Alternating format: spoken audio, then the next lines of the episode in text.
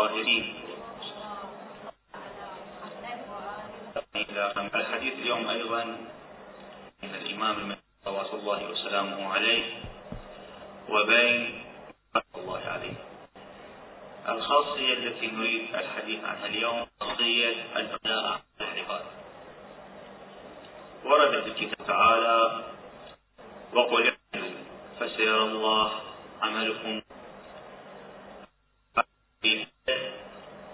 تتحدث عن تعالى لأعمال ورؤية النبي صلى الله عليه وآله لأعمال العباد أيضا ورؤية المؤمنين لأعمال العباد. أما بالنسبة لرؤية الله تبارك وتعالى لأعمال العباد فهذا أمر واضح. يعني لا نحتاج إلى مزيد من البيان والاستدلال لأنه لما ثبت أن الله تبارك وتعالى هو السميع العليم ومقتضى علم الله تبارك بجميع المعلومات فمن الأمور التي تعلم أعمال العباد في هذه الدار الدنيا. فالله تبارك وتعالى وعلمه واطلاعه بأعمال العباد أمر جدا واضح. الأمر الثاني في الآية الشريفة هو, هو رؤية النبي صلى الله عليه وآله لأعمال العباد.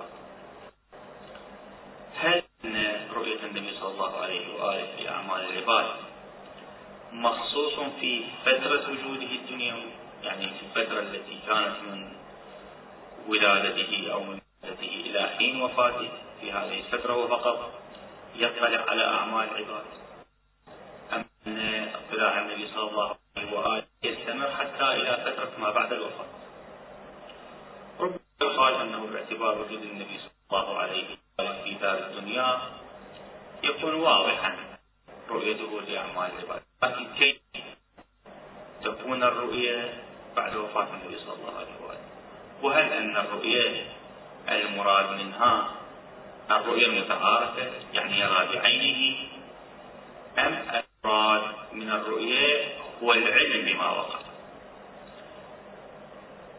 الواقع أن الذي يبدو أن المراد ليس هو الرؤية البصرية بل المراد العلم بما حدث العلم بما حصل. والتعبير عن الرؤية. رؤية الله تبارك وتعالى. فالله عز وجل عندما يرى أعمال العباد لا يراهم بعينه لأن الله تبارك وتعالى له عين. الله عز وجل ليست له جواب. وإنما رؤيته لأعمال العباد تكون عن طريق علمه بهذه الأعمال. عن طريق علم الله تبارك وتعالى لما يفعله عباده. فكذلك النبي صلى الله عليه وآله طريق رؤيته إلى لأعمال العباد. الله يكون نتيجة لوقوع تلك الأعمال أمام نظره. فرد شخص ويفعل فعل ما أمام النبي صلى الله عليه وآله. النبي صلى الله عليه وآله يرى ما هذا نحو والنحو الآخر لا كما في الأفعال التي تقع بعيدة عنه ليست أمام نظره الشريف. ليست أمام عينه الطاهرة فمثل هذه الأعمال أيضا النبي صلى الله عليه وآله يعلم بها. لكن لا على أساس نظره إليها بل على أساس الأعمال عليها. هناك روايات نقرأها إن شاء الله. تشير إلى أن أعمال العباد تعرض على النبي صلى الله عليه وآله وسلم. فإذا رؤية النبي صلى الله عليه وآله للأعمال ثابتة في أيام وجوده الدنيوي. السؤال هل عرض الأعمال على النبي صلى الله عليه وآله يقتصر على مرحلة الوجود الدنيوي للنبي صلى الله عليه وآله أم أنه يشمل مرحلة ما وفاة النبي صلى الله عليه وآله؟ الذي يظهر من الأدلة الثابت من الأدلة أن اطلاع النبي صلى الله عليه وآله وعلمه بأعمال العباد يشمل حتى مرحلة وفاة النبي صلى الله عليه وآله وانتقاله إلى الدار الآخرة. الدليل الأول على هذا المدعى هو نفس الآية الشريفة. قوله تعالى وقل اعملوا فسيرى الله عملكم ورسوله. رؤية الله تبارك وتعالى غير محدودة بوقت ولا بزمان. وعطفت رؤية النبي صلى الله عليه وآله رؤية الرسول لأعمال العباد على رؤية على رؤية الله تبارك وتعالى. وحيث أن رؤية الله تبارك وتعالى غير محدودة بوقت وغير محدودة بزمان فكذلك رؤية النبي صلى الله عليه وسلم قد يعترض معترض بأن الله تعالى لا يحده حد ولا يحده زمان وغير مشمول بالحركة الزمنية والوجود المكاني فهو من هذه الجهة يختلف عن النبي صلى الله عليه وآله. فمن المحتمل أن تكون رؤية الرسول صلى الله عليه وآله للأعمال مختصة بفترة وجوده الدنيا. في هذا المقام هناك روايات عن أهل البيت صلوات الله وسلامه عليهم تؤكد أن النبي صلى الله عليه وآله تعرض عليه أعمال العباد. ويرى أعمال العباد حتى بعد وفاته. من هذه الروايات ما ورد في الكافي الشريف عن الإمام الصادق صلوات الله وسلامه عليه قال تعرض الأعمال على رسول الله صلى الله عليه وآله أعمال العباد كل صباح أبرارها وفجارها فاحذروها. وهو قول الله تعالى اعملوا فسيرى الله عملكم ورسوله وسكت الإمام سلام الله عليه لما قرأ الآية قرأ فسيرى الله عملكم ورسوله وسكت هذه الرواية موجودة في كتاب الكافي الجزء الأول صفحة 219 باب عرض الأعمال على النبي صلى الله عليه وآله وأهل البيت الحديث الأول. فمن هذه الرواية أن صبيحة كل يوم أعمال العباد سواء كان من الأعمال الحسنة أو الأعمال السيئة تعرض على النبي صلى الله عليه وآله. الحديث يرويه يروى عن الإمام الصادق عليه السلام. أعمال العباد لا تزال على النبي صلى الله عليه وآله. وإلا لا معنى لأن يأمر الإمام الصادق عليه السلام المؤمنون بالحذر لو كان عرض الأعمال مختص فقط في الزمن الذي عاشه النبي صلى الله عليه وآله فلا معنى لأن يأمر الإمام الصادق عليه السلام المؤمنين بالحذر من عرض أعمالهم على النبي صلى الله عليه وآله. فمن هو الجميع لا يختص بفرد دون فرد. هذه رواية الحديث. تعرض الأعمال على رسول الله صلى الله عليه وآله أعمال العباد. كل صباح أبرارها وفجارها فاحذروها. وهو قول الله تعالى اعملوا فسيرى الله عملكم ورسوله وسكت. المصدر الكافي الجزء الأول صفحة 219 الحديث الأول. رواية أخرى عن الإمام الصادق صلوات الله وسلامه عليه يرويها سماع سماع من أصحاب الإمام الصادق صلوات الله وسلامه عليه. قال سمعته سماع يقول سمعته أي سمعت الإمام الصادق عليه السلام.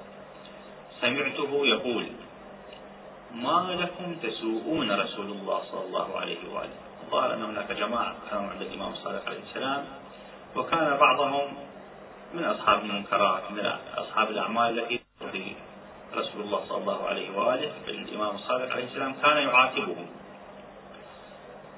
ما لكم تسوءون رسول الله صلى الله عليه وآله فقال رجل كيف نسوءه مستغرب أن النبي صلى الله عليه وآله قد توفى الناس الذين كانوا عند الإمام الصادق عليه السلام بينهم وبين وفاة النبي صلى الله عليه وآله في أقل التقادير سبعين أو ثمانين سنة فهذا يرى أن الميت يسوءه فعل الحي.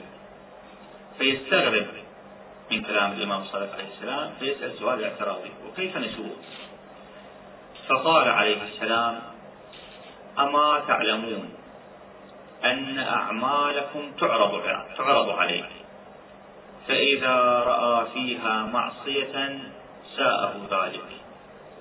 فلا تسوءوا رسول الله وسوءوا هذه الرواية في نفس المصدر يعني الكافي الجزء الأول صفحة 219 باب عرض الأعمال عن النبي صلى الله عليه وآله الحديث لا فهنا الإمام الصادق عليه السلام يؤكد أن عرض الأعمال على النبي صلى الله عليه وآله مستمر حتى بعد فترة وفاة النبي صلى الله عليه وآله. فإذا مما تبين أن الله تعالى مطلع على أعمالنا. والنبي صلى الله عليه وآله أيضا مطلع على أعمالنا لأن أعمالنا تعرض عليه كل صباح. بقي شق ثالث في الآية الشريفة. الآية قالت وقل اعملوا فسيرى الله عملكم ورسوله والمؤمنون. من هم المؤمنون؟ هل أن المقصود بالمؤمنين مطلق المسلمين. يعني أن الله تعالى يرى عملنا ورسوله صلى الله عليه وآله يرى عملنا والمسلمون يرون عملنا. على أن هذا المراد؟ أم أن المراد من المؤمنين خصوص شيعة أهل البيت عليهم السلام؟ الآن الإنسان لو يراجع الرسالة الفقهية مثلا أي رسالة عملية يراجعها؟ يجد في شروط التقليد في كتاب الإجتهاد والتقليد أن من شروط مرجع التقليد الإيمان. والمقصود بالإيمان أن يكون اثنا عشرين فهل المورد في الآية الشريفة هل أن المؤمنون الذين ينظرون أن المؤمنين الذين ينظرون إلى أعمالنا الذين يرون أعمالنا هل هم خصوص الشيعة؟ هذا أيضا ممكن أن يرد الاحتمال. أم هم أناس خاصون؟ لا مطلق المسلمين ولا خصوص شيعة أهل البيت عليهم السلام بل أناس أخص غير هؤلاء وغير هؤلاء. هنا نرجع إلى الوجدان. يقال بأن أدل الأدلة وأقوى الأدلة هو الوجدان. نرجع إلى الوجدان. كمسلمين نعلم علما وجدانيا يقينيا أن المسلم بما هو مسلم ليست له الأهلية على الاطلاع على أعمال الآخرين الآن كثير من المسلمين يعملون كثير من الأشياء دون أن يعلم بهم غيرهم. فإذا احتمال أن يكون المراد من المؤمنين في الآية الشريفة مطلق المسلمين هذا الاحتمال مرفوض الاحتمال الثاني هو أن يكون الذين يرون الأعمال خصوص شيعة أهل البيت صلوات الله وسلامه عليهم. هذا أيضا بالوجدان احتمال مرفوع. فنحن شيعة أهل البيت صلوات الله وسلامه عليهم. نجد في أنفسنا أننا نعمل أشياء كثيرة. لا يعلم بها الشيعي الآخر أو الشيعي الآخر يعمل أعمال كثيرة دون أن نطلع عليها. وهذا الاحتمال أيضا سابق يبقى الاحتمال الآخر. أن هناك أناس خاصون لهم أهلية الاطلاع على أعمال العباد فمن هم هؤلاء؟ من هم هؤلاء الذين لهم هذه الخاصية والذين لهم هذه المكانة الروايات الشريفة تبين مصداق المؤمنين الوارد في الآية فمن تلك الروايات ما ورد عن الإمام الصادق صلوات الله وسلامه عليه عندما سأله يعقوب بن شعيب عن قوله تعالى اعملوا فسيرى الله عملكم ورسوله والمؤمنون قال الإمام الصادق عليه السلام هم الأئمة يعني يعقوب ما يسأل عن الله عز وجل لأن الله واضح ما يسأل عن رسول النبي صلى الله عليه وآله. واضح. لكن يسأل عن المؤمنين. من هم المؤمنون؟ فالإمام الصادق صلوات الله وسلامه عليه يجيب بأن المقصود من المؤمنين في الآية الشريفة هم الأئمة. هذه الرواية موجودة في الكافي أيضا نفس المصدر الحديث الثاني. وهناك رواية أخرى عن الإمام الرضا صلوات الله وسلامه عليه. تبين هذا المعنى أيضا. عن عبد الله ابن أبان الزيات هذا كان من أصحاب الإمام الرضا عليه السلام والمقربين جد جدا منه. قال قلت للرضا عليه السلام ادع لي ولأهل بيتي. فقال أولست لما جاء عبد الله بن أبان يسأل الإمام الرضا صلى الله وسلامه عليه أن يدعو له أخبره الإمام صلوات الله وسلامه عليه أنه يدعو له أولست أفعل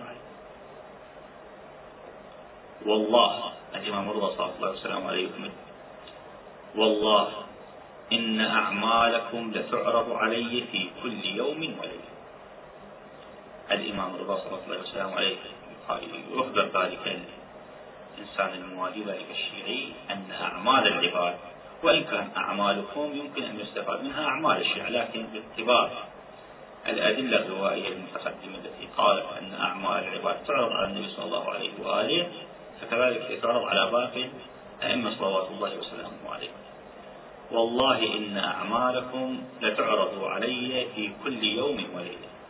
فإذا من حيث الوقت الزمني لعرض الأعمال الرواية الأولى أشارت إلى أن أعمال الناس تعرض على النبي صلى الله عليه وآله في كل صباح. وهذه الرواية التي عن الإمام الرضا صلوات الله وسلامه عليه أخبرت بأن الأعمال تعرض عليه كل يوم وليلة. قال يروي هو نفسه عبد الله استعظم هذه القضية أن الأعمال تعرض على الإمام صلى الله عليه وسلم شيء كبير. فاستعظمت ذلك. فقال لي أما تقرأ كتاب الله عز وجل؟ وقل اعملوا فسيرى الله عملكم ورسوله والمؤمنون.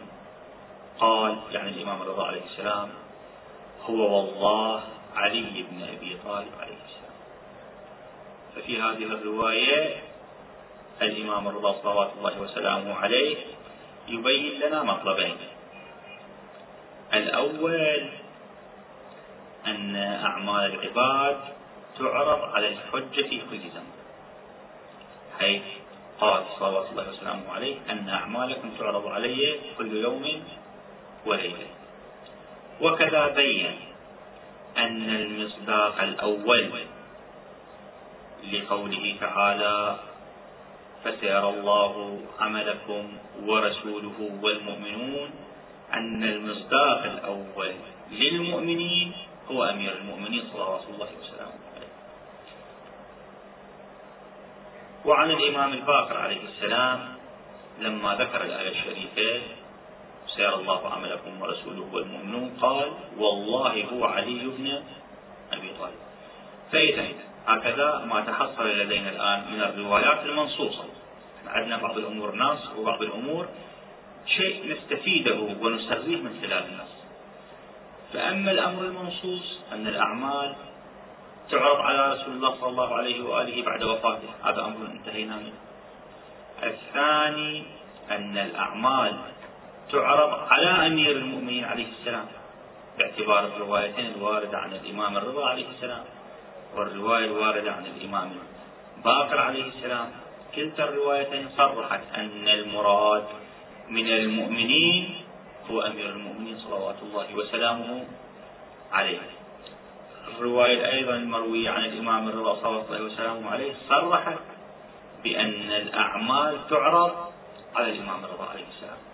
فإذا من حيث النص الأعمال تعرض على رسول الله صلى الله عليه وآله وعلى أمير المؤمنين وعلى الإمام الرضا صلوات الله وسلامه عليه.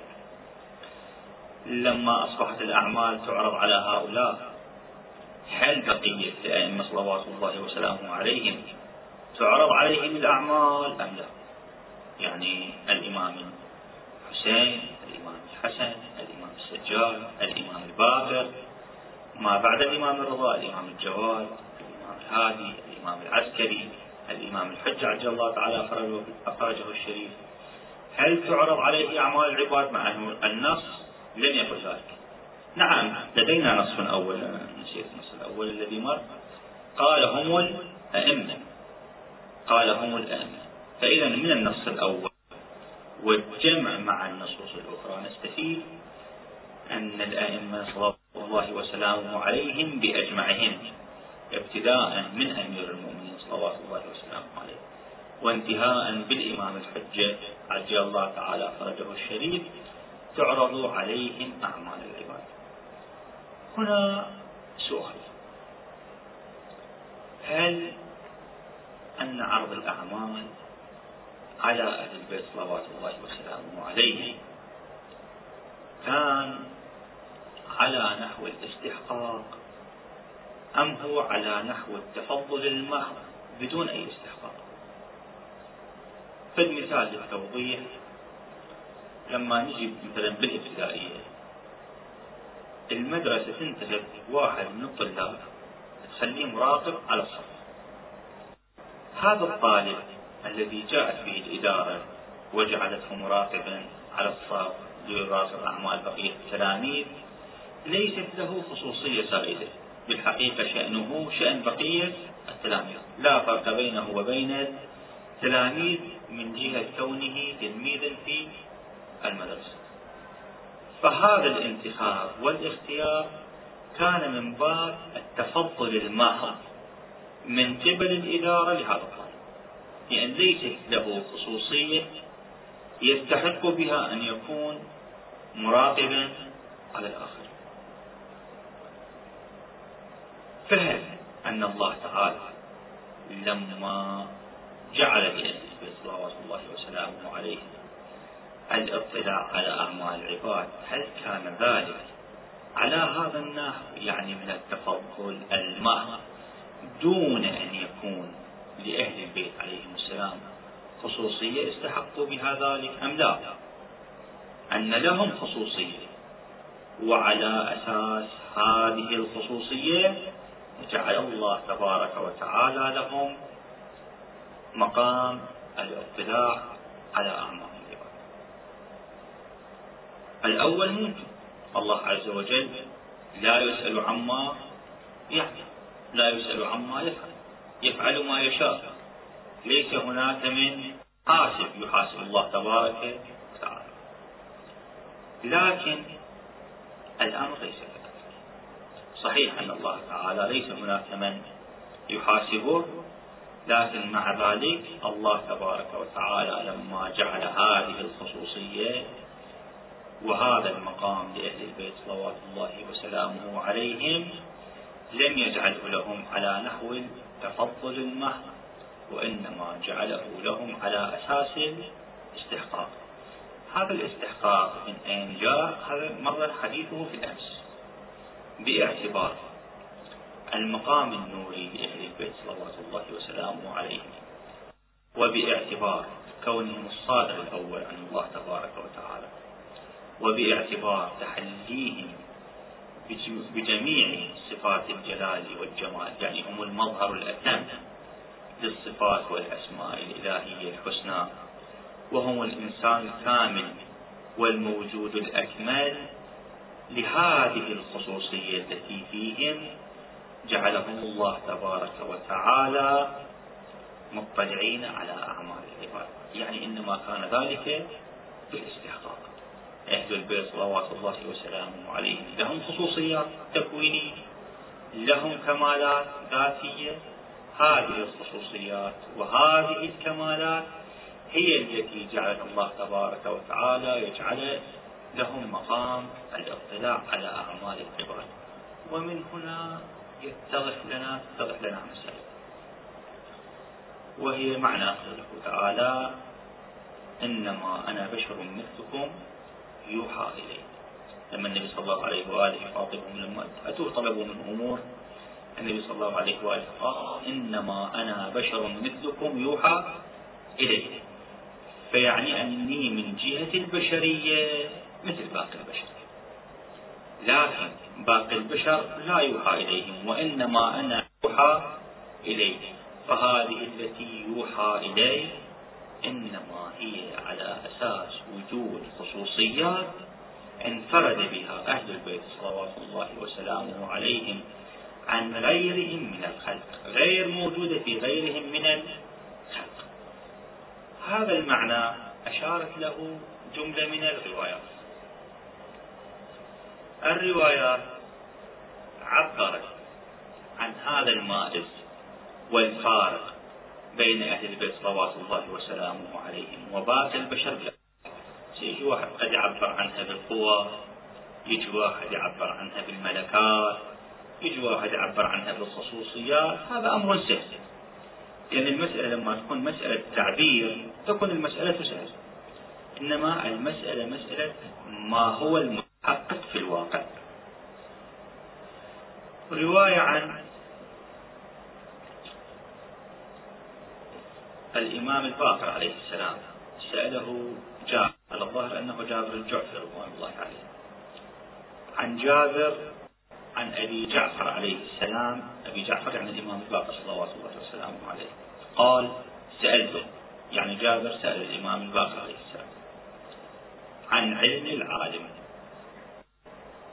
يعني جابر يسأل الإمام الباقر صلوات الله وسلامه عليه عن علم الإمام المعصوم. لما قال علم العالم يعني يراد منه علم الإمام المعصوم عليه السلام.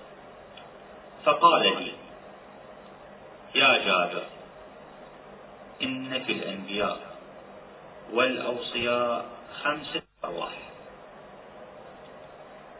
روح القدس وروح الإيمان وروح الحياة وروح القوة. وروح الشهوة. فبروح القدس يا جابر عرفوا ما تحت العرش إلى ما تحت الثرى الرواية في الكافي الجزء الأول صفحة 272 الحديث الثاني. فهذه الرواية تشير إلى أن الأنبياء والأوصياء صلوات الله وسلامه عليهم فيهم خمس أرواح. بتعبير آخر خمس قوى خمس ملكات. هذه القوى بعضها موجودة في بقية الناس. أربعة منها يشتركون فيها مع الناس والروح الخامس هو الذي يختلفون به مع بقية البشر. لذلك قال عليه السلام فبروح القدس يا جابر. بهذه الملكة بهذه القوة عرفوا ما تحت العرش إلى ما تحت الثرى. يعني لوجود هذه الملكة لوجود هذه القوة لوجود هذه الروح في الأنبياء والأئمة صلوات الله وسلامه عليهم أصبحوا مطلعين على ملكوت السماوات والأرض. رواية عن الإمام الصادق عليه السلام يفصل أعمال هذه الأرواح أعمال هذه القوة.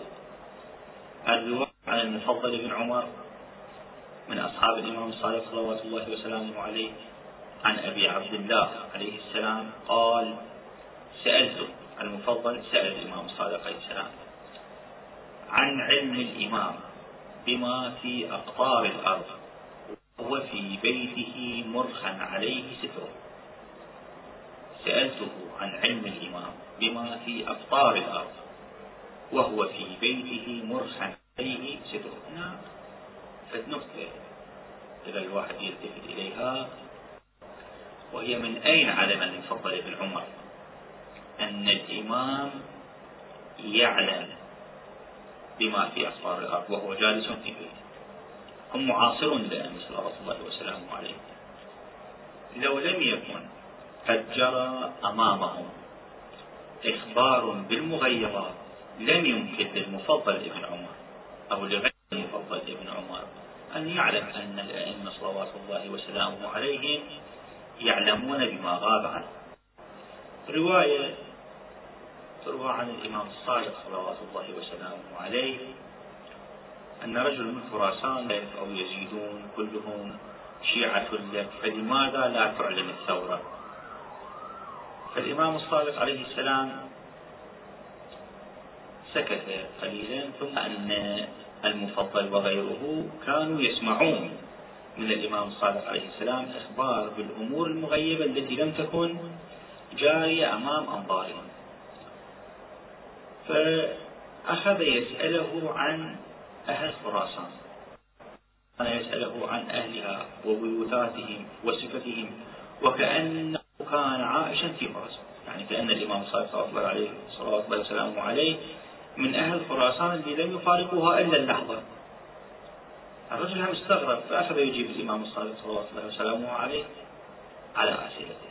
هذه أحد المصاديق لإخبار الأئمة صلوات الله وسلامه عليهم عن أمور لا تجري أمام أعينهم.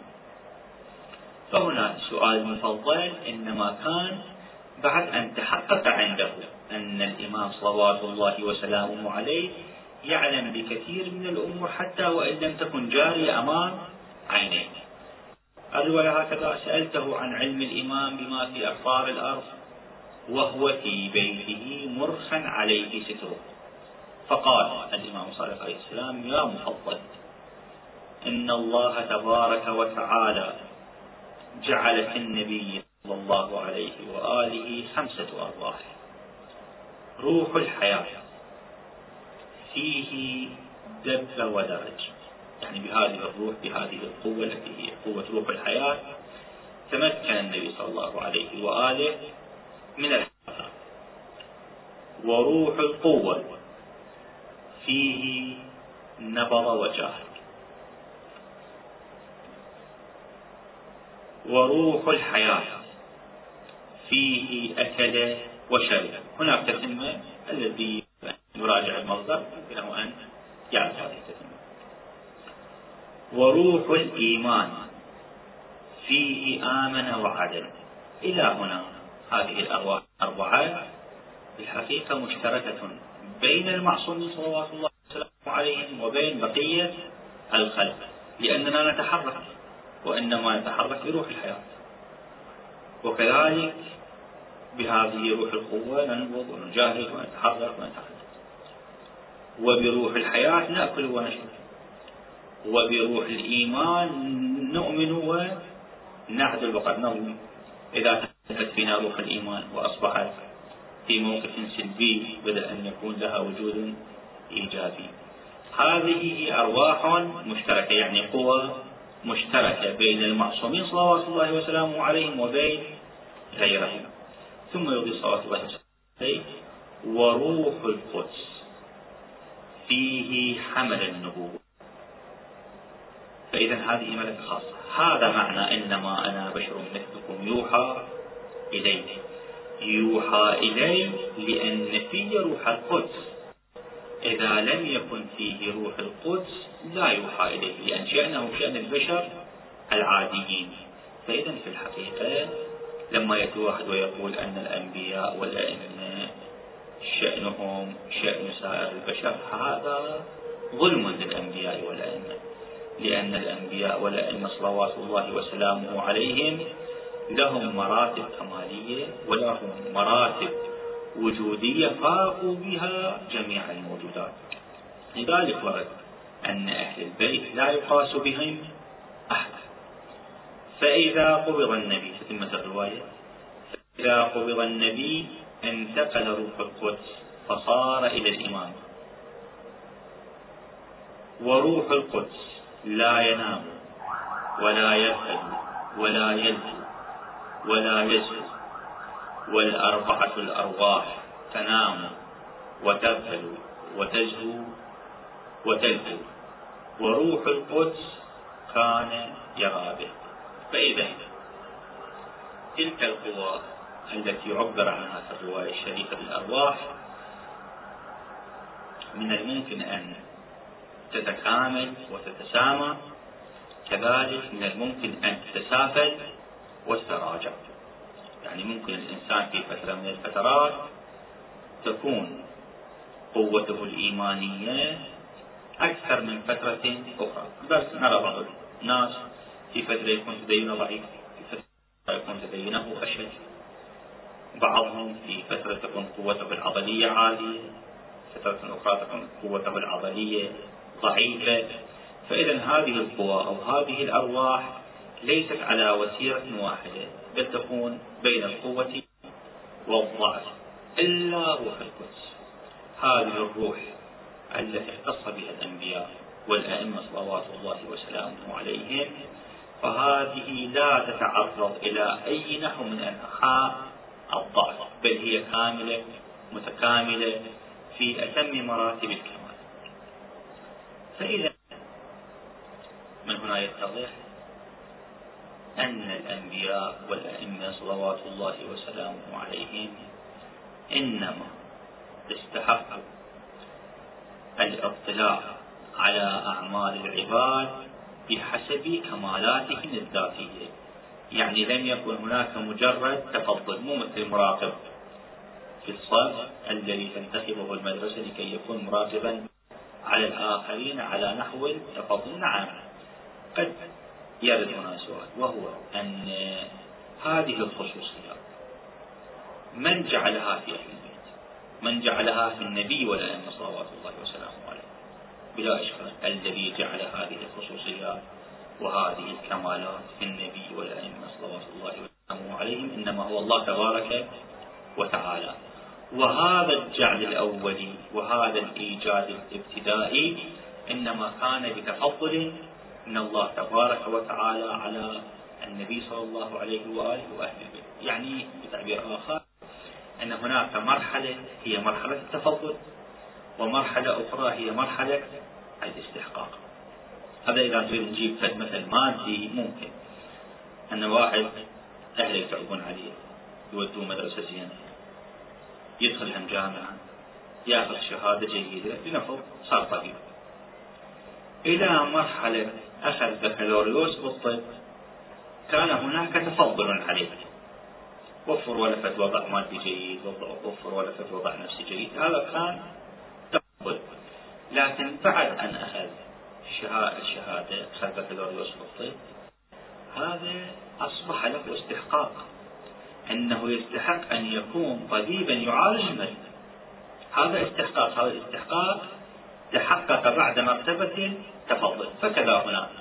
ابتداء إيجاد هذه الخصوصيات في النبي صلى الله عليه وآله.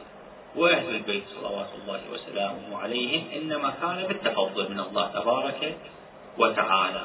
ولكن بعد أن أوجد الله تبارك وتعالى فيهم هذه الخصوصيات أصبح لهم استحقاق. هم مستحقون لأن يكونوا واسطة البيت هم مستحقون لأن يطلعوا على أعمال العباد. هم مستحقون لأن يكون لهم مقام الشهادة. فهذا استحقاق بحسب ما أوجده الله تبارك وتعالى فيهم من الخصوصيات ومن الملافة هناك رواية العسكريين صلوات الله وسلامه عليهما يرفع العلامة المجلسي أحد الله مقامه في كتابه بحار الأنوار في الجزء 51 صفحة 24 ضمن الحديث 37 الرواية تقول أن الله عز وجل تتكلم عن بداية خلق الأئمة صلوات الله وسلامه عليهم. أن الله عز وجل إذا أراد أن يخلق الإمام أنزل قطرة من ماء الجنة في المزن فتسقط في ثمرة من ثمار الجنة. إذا هذا أحد الفروق. الفارق الأول أن لهم مقام النور الفارق الثاني حتى وجودهم الدنيوي لما يرادون ينوجدون ما تكون نطف وجودهم كبقية النطف وإنما تكون من ماء الجنة. وهذه الروايات في خصوص السيدة الزهراء صلوات الله وسلامه عليها متواترة يعني رويت من طرفنا ومن طرف أبناء العامة حيث ورد أن النبي صلى الله عليه وآله قد أكل من ثمار الجنة فجاء في صلبه نطفة فاطمة صلوات الله وسلامه عليها فكان إذا النبي صلى الله عليه وآله إذا اشتاق إلى رائحة الجنة شم السيدة الزهراء صلوات الله وسلامه عليها أن الله عز وجل إذا أراد أن يخلق الإمام أنزل قطرة من ماء الجنة في المزن فتسقط في ثمرة من ثمار الجنة. فيأكلها الحجة الحجة الزمان. من هو كان الإمام المعصوم سلام الله عليه تصله هذه الثمرة. فاستقرت فيه. فيمضي فيه أربعون يوما.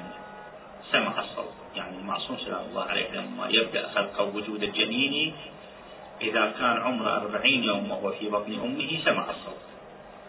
فإذا آنت له أربعة أشهر. وقد حمل كتب على عضده الأيمن وتمت كلمة ربك صدقا وعدلا. لا مبدل لكلماته وهو السميع العليم. فإذا ولد قام بأمر الله. هنا المطلب الموجود كيف يرى المعصوم عليه السلام الأعمال؟ يبينه هذا المطلب من الرواية. فإذا ولد قام بأمر الله. ورفع له عمود من نور في كل مكان ينظر فيه إلى الخلائق وأعمالهم وينزل أمر الله إليه في ذلك العمود والعمود نصب عينيه حيث تولى ونظر. يعني هذه الرواية هكذا. أن الإمام صلوات الله وسلامه عليه إذا ولد الله تبارك وتعالى يجعل أمام عينيه عمود من نور. هذا العمود يكشف له جميع أرجاء العالم الكوني يعني مشارق الأرض ومغاربها ما في الأرض ما في السماء. ذلك لأن صلوات الله وسلامه عليهم لا يخبرون فقط عما في الأرض بل يخبرون حتى عما في الملكوت الأعلى. فهذا العمود الذي من النور يكون أمام أنظار المعصوم صلوات الله وسلامه عليه. ومن خلاله من خلال هذا العمود النوري يطلع على أعمال جميع العباد. الآن الإمام النبي صلوات الله وسلامه عليه إمام ومعصوم وحجة فشأنه في هذه المسألة شأن غيره من المعصومين صلوات الله وسلامه عليه.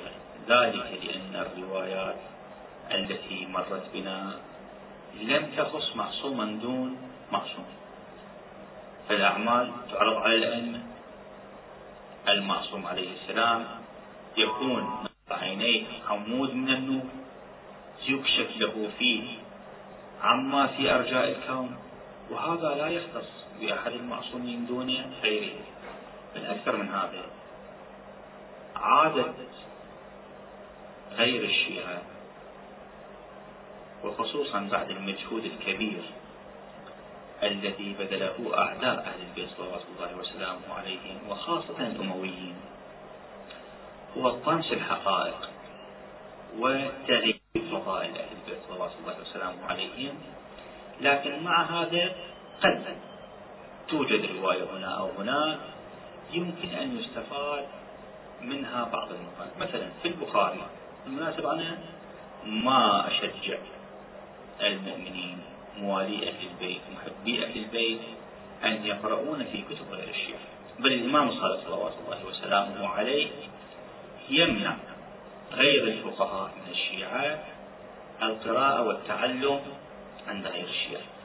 بل يؤكد ويصر على ضرورة أن يتعلم الإنسان الشيعي في داخل البيئة الشيعية وأن يأخذ علمه من نمير أهل البيت صلوات الله وسلامه عليه. لكن من الإشارة. في البخاري يقول أن النبي صلى الله عليه وآله كان يقول إذا وقفتم خلفي في الصلاة فساووا صفوفكم فإني أرى من أمامي كما أرى من خلفي أو أرى من خلفي كما أرى من أمامي.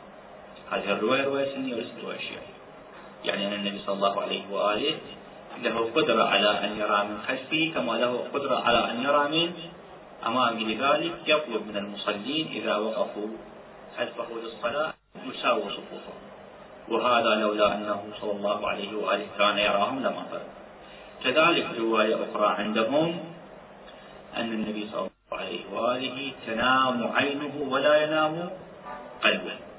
القلب ليس المراد منه هذا العضل العضل الذي يقدم. صحيح هذا قلب. لكن المراد من القلب إذا جاء في الروايات أن المراد من القلب هو القوة الإدراكية. يعني أن النبي صلى الله عليه وآله تنام عينه. لكن قواه الإدراكية باقية على ما هي عليه.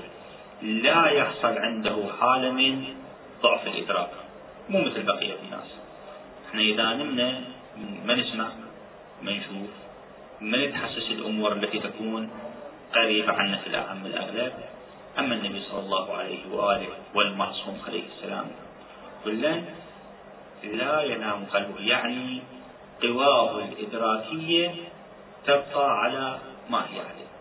فالإمام المهدي صلوات الله وسلامه عليه أرواحنا لتراب مقدمه الفداء. ممن تعرض عليهم أعمال. فهذه خصوصية. له صلوات الله وسلامه عليه. اشترك بها مع باقي أهل البيت صلوات الله وسلامه عليه. هنا يمكن أن يطرح سؤال. وهو ما هي الفائدة من رؤية النبي صلى الله عليه وآله؟ والأئمة عليهم السلام لأعمال العباد. الفائدة شو النبي رأى أعمالنا. الفائدة من رؤية هذه الأعمال وعرض هذه الأعمال عليه ما هي؟ الفائدة هنا إنما ترجع للشهادة. فللنبي صلى الله عليه وآله وللأئمة صلوات الله وسلامه عليهم مقام الشهادة على الخلق. يعني يوم غد يوم القيامة إذا بعث الله تبارك وتعالى الناس من قبورهم وجاءوا إلى المحشر يكون أحد الشهود عليهم النبي والأئمة صلوات الله وسلامه عليه. ومعلوم أن الذي لم يطلع ولم يرى ولم يعلم فشهادته غير مقبولة. فحتى يكون للنبي صلى الله عليه وآله والأئمة عليهم السلام في المحكمة الإلهية العادلة. شهادة مقبولة. لا بد أن يطلعون على أعمال العباد.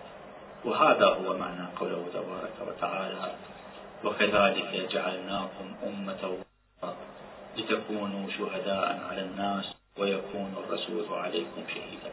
فالبحث في الأمة الوسط. ما هي الأمة الوسط؟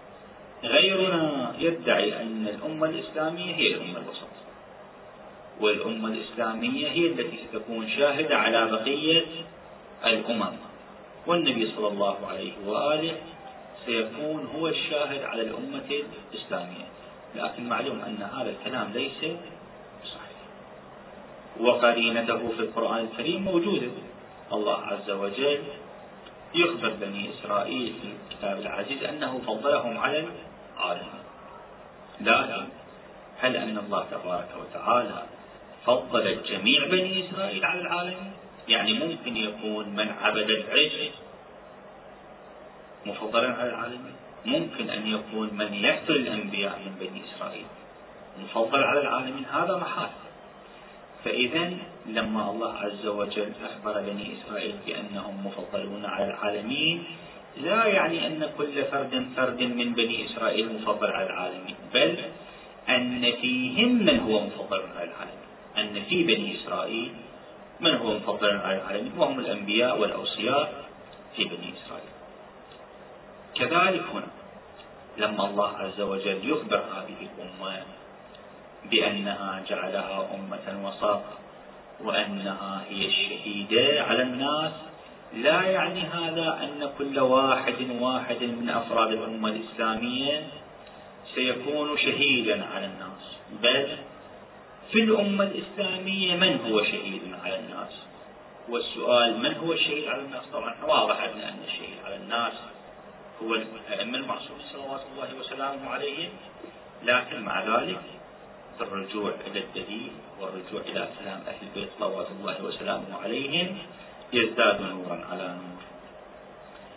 عن بريد أو بريد العجلي قال سألت أبا عبد الله عليه السلام عن قول الله عز وجل وكذلك جعلناكم أمة وسطا لتكونوا شهداء على الناس. قال يعني الإمام الصادق عليه السلام نحن الأمة الوسطى. نحن مو المسلمين. نحن يعني أهل البيت يعني الأئمة صلوات الله وسلامه عليه نحن الأمة الوسطى. ونحن شهداء الله على خلقه وحججه في أرضه. وفي رواية أخرى عن الإمام الصادق صلوات الله وسلامه عليه في قول الله عز وجل فكيف إذا جئنا من كل أمة بشهيد وجئنا بك على هؤلاء شهيدا. قال الإمام الصادق عليه السلام نزلت في أمة محمد صلى الله عليه وآله خاصة. في كل قرن منهم يعني في كل قرن من أمة النبي صلى الله عليه وآله. طبعا هنا المراد من القرن ليس هو المئة سنة. هذا القرن مو المراد من الحقبة الزمنية. بل المراد من القرن هنا فترة شهادة المعصوم عليه السلام على الأمة.